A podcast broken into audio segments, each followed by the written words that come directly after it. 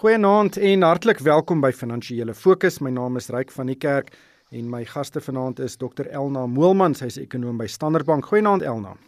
Goeienaand. En ook uh, Dawie Klopper, hy's 'n finansiële raadgewer en 'n portefeuljebestuurder by PSG in Pretoria. Naam sê Dawie. Goeienaand Ryk en ook so in Elna.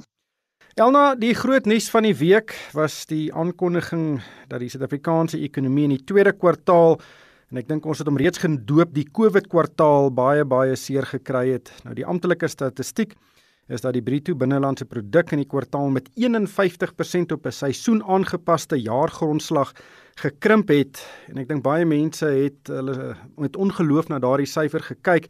Maar ek dink mense moet dit in konteks sien van die definisie van daardie syfer, die seisoen aangepaste jaargrondslag. Dink jy dis die die billikste manier om daarna te kyk?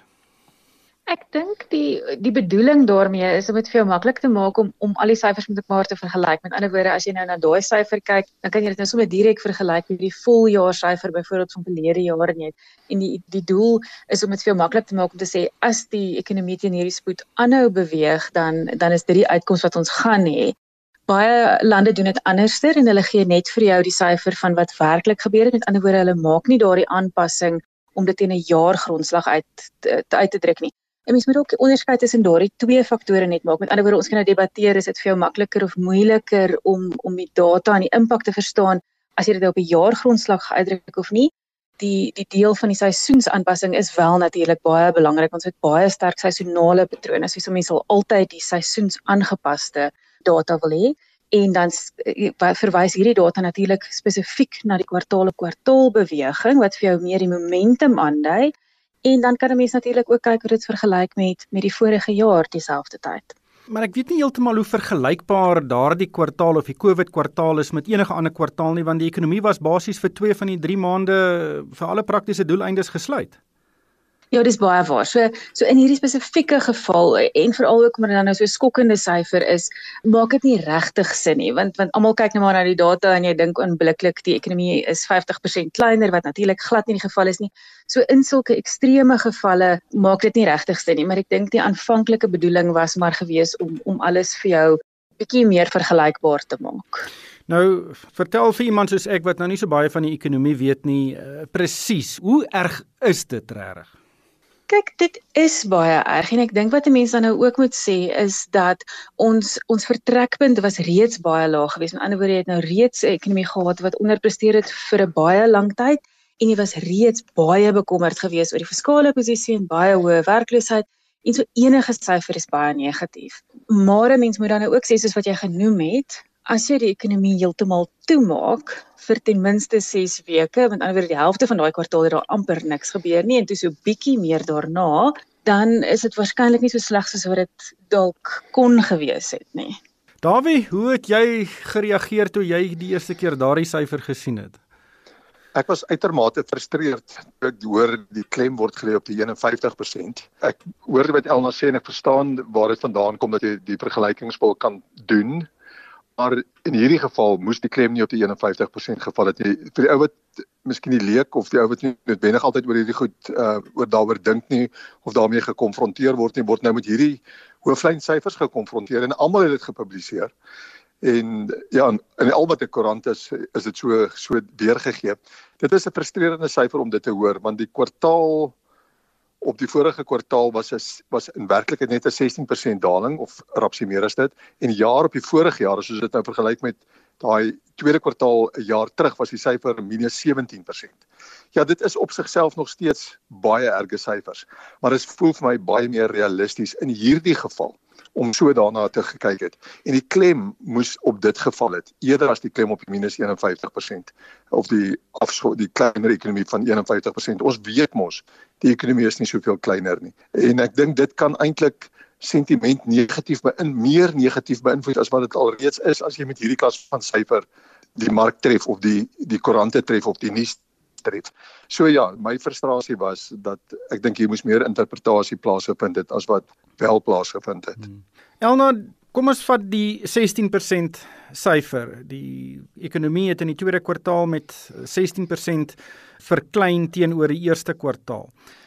Hoe vergelyk dit met ander lande in die wêreld wat ook deur inperkings gesien het dat hulle ekonomiese aktiwiteit afgeneem het?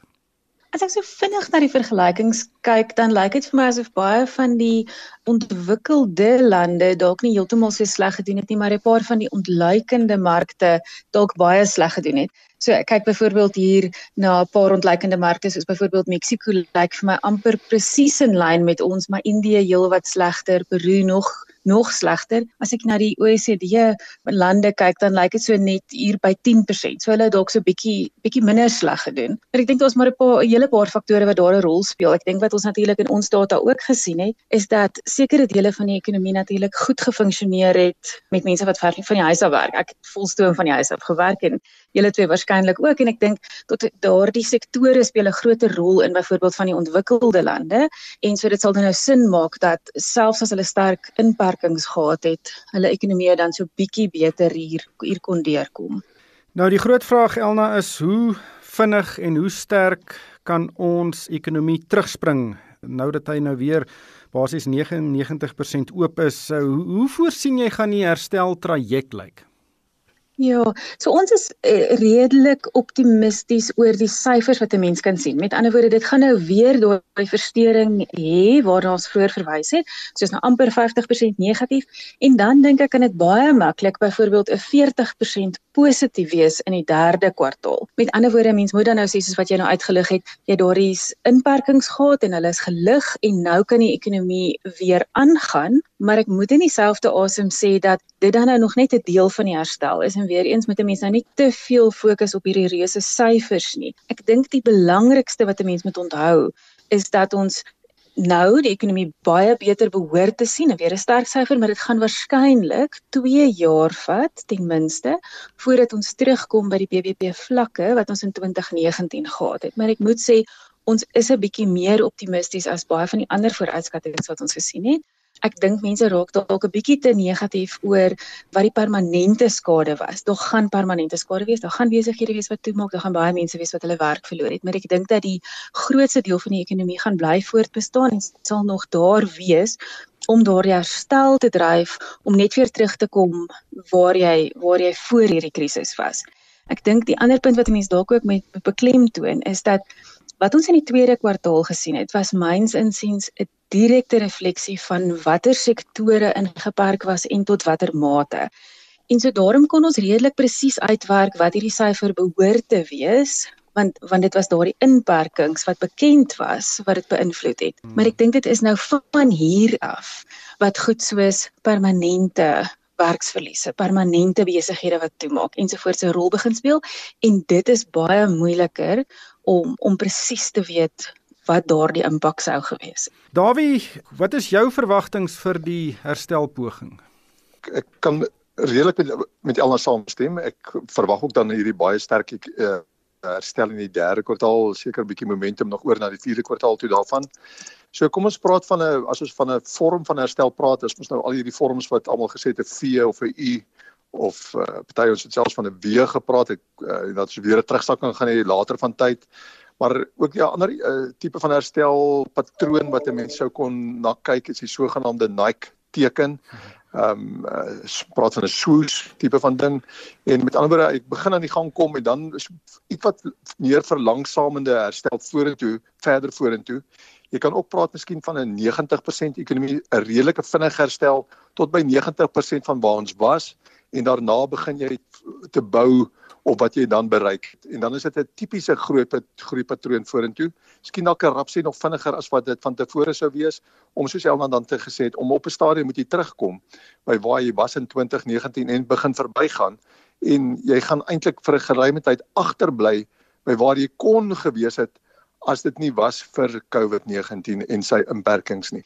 So so uh, ek dink ek het ook al gepraat van die begrip om te sogenaamd te reset om vir mense om om te sê maar ons is nou by die nuwe vlakke. Ons beweeg nou na vlakke van bietjie meer normaliteit toe en kom ons begin van hierdie nuwe vlakke van normaliteit af verder te bou aan ons besighede, aan ons eie posisies, aan ons ekonomie en en waardeer en en wees positief oor die groei wat jy daarvan af vorentoe kry. En moenie net terughinker na waar jy was in 2019 noodwendig nie. Ek dink dit sal mense ook met meer optimisme kan stem as jy nie altyd soos ek sê terugvergelyk na 2019 toe nie, maar sê maar waar kom ek vandaan en waar is ek op hmm. op pad heen? Dit kan dalk dink ek net die sentiment op 'n beter plek sit as wat andersins die geval sou wees. Dit was ook interessant dat die rand het minder verswak nadat hierdie syfers aangekondig is as wat dit verswak het nadat daar swak werkloosheidssyfers in Amerika gepubliseer is donderdag. Uh, dit wys jy baie van hierdie negatiewe nuus is reeds ingeprys en amper behoorlik ingeprys verseker is dit die geval. Ehm um, ek niks van hierdie goed moes as verrassing vir enigiemand gekom het nie.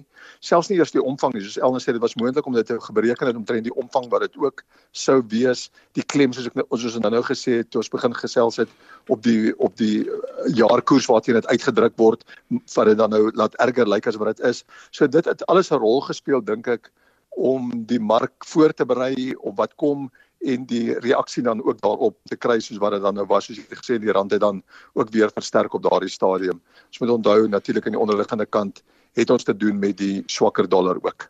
Elna, jou gedagtes oor die wisselkoers, waar dink jy gaan ons uh heen? Wat is die traject op die oomblik? Ek dink op hierdie stadium wat jy nou na verwys het, is daar vreeslik baie van hierdie negatiewe nuus ingebou. Met ander woorde, ons is bewus van die ekonomiese probleme en ons is veral baie bewus van die fiskale probleme en as ek met beleggers praat, is hulle ongelooflik negatief. Met ander woorde, selfs die een of twee positiewe goed wat gebeur en wat wat 'n mens bietjie behoort te bemoedig, ignoreer hulle amper. En as 'n mens nou kyk na enige fundamentele faktore en modelle, dan dan is die rand byvoorbeeld baie swak. Ek dink die kapitaalmark is is ook baie swak. En so ek dink dan nou as jy enige vorm van van beweging sien in terme van van die tesorie wat wat vir ons wys dat hulle daardie plan wat hulle op die tafel gesit het kan implementeer of enige positiewe groei nuus dan kan die daai rand nogal maklik heelwat verstewig. So ons voorskatting is so R16.50 teen die einde van hierdie jaar teen die dollar en dan natuurlik afhangend van wat met die dollar gebeur, kan dit so R15.50 teen die einde van volgende jaar wees. Interessant. Dawie, kom ons gesels oor 'n paar maatskappye resultate wat hierdie week bekend gemaak is en ek wil begin met die banke. Ons het uh, veral First Rand gesien hulle het jaarsyfers bekend gemaak. First Rand besit Eerste Nasionale Bank en ook Rantak Sebank en die ander groot banke het vroeër reeds resultate bekend gemaak en die kenmerk was hierdie reuse afskrywings of voorsienings vir afskrywings vir 'n slegte skuld wat gaan toeneem en dit het hulle winste regtig dramaties verlaag in sommige gevalle met meer as 90%. Maar as mens daardie voorsienings wegvat, dan het die banke nie so sleg gevaar nie. Uh dis eintlik 'n moeilike sektor om op die oomblik te interpreteer dit is so ryk. Ek dink um, weet as mens net in breë probeer kyk ek het dit syfers gesien het is dat daar iets soos 58 miljard rand se voorsienings vir slegte skulde gemaak is deur die banke. Maar as mens dan terselfdertyd kyk na die reaksie van die aandelepryse van die banke op daardie afskrywings dan was dit heeltemal 3 keer groter, 4 4 keer groter selfs as wat die as wat die voorsienings vir vir, vir slegte skulde was. So die mark het baie negatief hierop gereageer miskien is jy reg dan om te sê die interpretasie van die resultate is moeilik en hierdie geweldige ehm um, aan die een kant moet jy dan nou sê maar hier's te veel afskrywings gewees. Dit word natuurlik deur rekeningkundige ehm um, reëls op die banke afgedwing om dit wel te doen. Dis hoekom dit gebeur. Is en nou moet jy die vraag vra was die afskrywings te veel en die mark se reaksie daarop te veel versus die groei vooruitsigte vir hierdie banke vorentoe want dit is tog die ander ding wat nou hier 'n rol speel. Ons het nou daaroor gepraat oor hoe lyk die groei vooruitsigte en daar is baie negativiteit ingeprys wat sê maar hoorie so die ekonomie gaan sukkel om aan die gang te kom. Die en daarom gaan die banke sukkel om meer geld uit te leen. Dis tog wat hulle wil doen. En daar gaan nie vir hulle ruimte wees om te groei nie. En daarom het ons die banke so geweldig afgeskryf. First Rand se opbrengs op kapitaal het gehalveer in hierdie proses as gevolg van hierdie afskrywing. Nou skrik die mark so 'n bietjie vir hierdie laer opbrengs op kapitaal versus dan nou die koste van kapitaal en en dit word negatief word weergegee in die vorm van die swakker aandeleprys. So al hierdie goed speel op die oomblike rol. Ryk wat met mense hiervan maak, ons banke is uitstekende besighede, ons moet dit raak sien en dan dit wat Elma nou gesê het van hoe die jy kan redelik vinnig 'n kleiner gebeure gebeur wat die sentiment kan herstel soos byvoorbeeld Eskom of uh, die kragvoorsieners aankondig ons kan krag oral koop infrastruktuurprojekte wat in plek gesit word vir Strand Eerste Nasionale Bank dan ook daarna verwys dat as daardie projekte aan die gang kan kom, kan dit vinnig die sentiment draai. So dis die goed dink ek wat 'n mens hier by mekaar moet probeer sit om by 'n antwoord uit te kom, maar neem kennis dat ons uit goeie banke en wat goed gestuur bestuur word en mense moet hulle dalk te negatief beskou daaroond, te negatief wees oor die banke nie. In die konteks van wat nou gebeur, eh, watter bank dink jy het die beste gevaar? Ja, dis seker 'n goeie vraag. Ek dink uh, First Rand het dan het dan uiteindelik nou die resultate bekend gemaak en nie sleg gedoen nie. Um, Capitec het groot afskrywings bekend gemaak en mens moet weet en hulle syfers lyk dan nou sleg as gevolg daarvan. Ja, so dis die so twee wat ek dink dalk miskien be, die beter gevaar het. Standard Bank, ehm um, moeilik vir my om te sê presies waar hulle in hierdie proses inpas, maar weet hulle hulle markkapitalisasie het wesentlik gedaal in hierdie proses. Miskien ook gehoor doen as gevolg van die negatiewe sentiment wat hier in die banke heers. Elna net laastens die Amerikaanse ekonomie het hierdie week 'n bietjie slegte nuus gekry en dis nadat hy die aandelemarkte in afwagting op groter ekonomiese groei of op vinniger ekonomiese groei regtig goed gepresteer het. Wat is jou verwagtinge van die Amerikaanse ekonomie? Dink jy die die daar is oor optimisme of eh, kan daardie groei realiseer wat Donald Trump wil hê? Ja, ek is nie seker dat daar regtig oor optimisme is nie. As ek nou kyk na byvoorbeeld die konsensus vooruitskattinge en die algemene vooruitskattinge wat mense het vir die Amerikaanse groei, dan dan is dit ook maar 'n baie geleidelike herstel en mense moet natuurlik in ag neem hoe baie ondersteuning daar van 'n beleidsperspektief is en ons baie duidelik tekens dat daar volgehoue ondersteuning gaan wees in terme van beleid. So ek dink nie mense is oor optimisties nie. Ek dink ek dink hulle sal waarskynlik 'n redelike herstel kan teweegbring. Wel ongelukkig het die tyd ons ingehaal. Baie dankie aan Dr Elna Moelman, sy is ekonom by Standard Bank en ook Dawie Klopper, hy's 'n finansiële raadgewer en 'n portefeuljebestuurder by PSG in Pretoria. En van my ryk van die kerk, dankie vir die saamluister en ek hoop almal het 'n winsgewende week.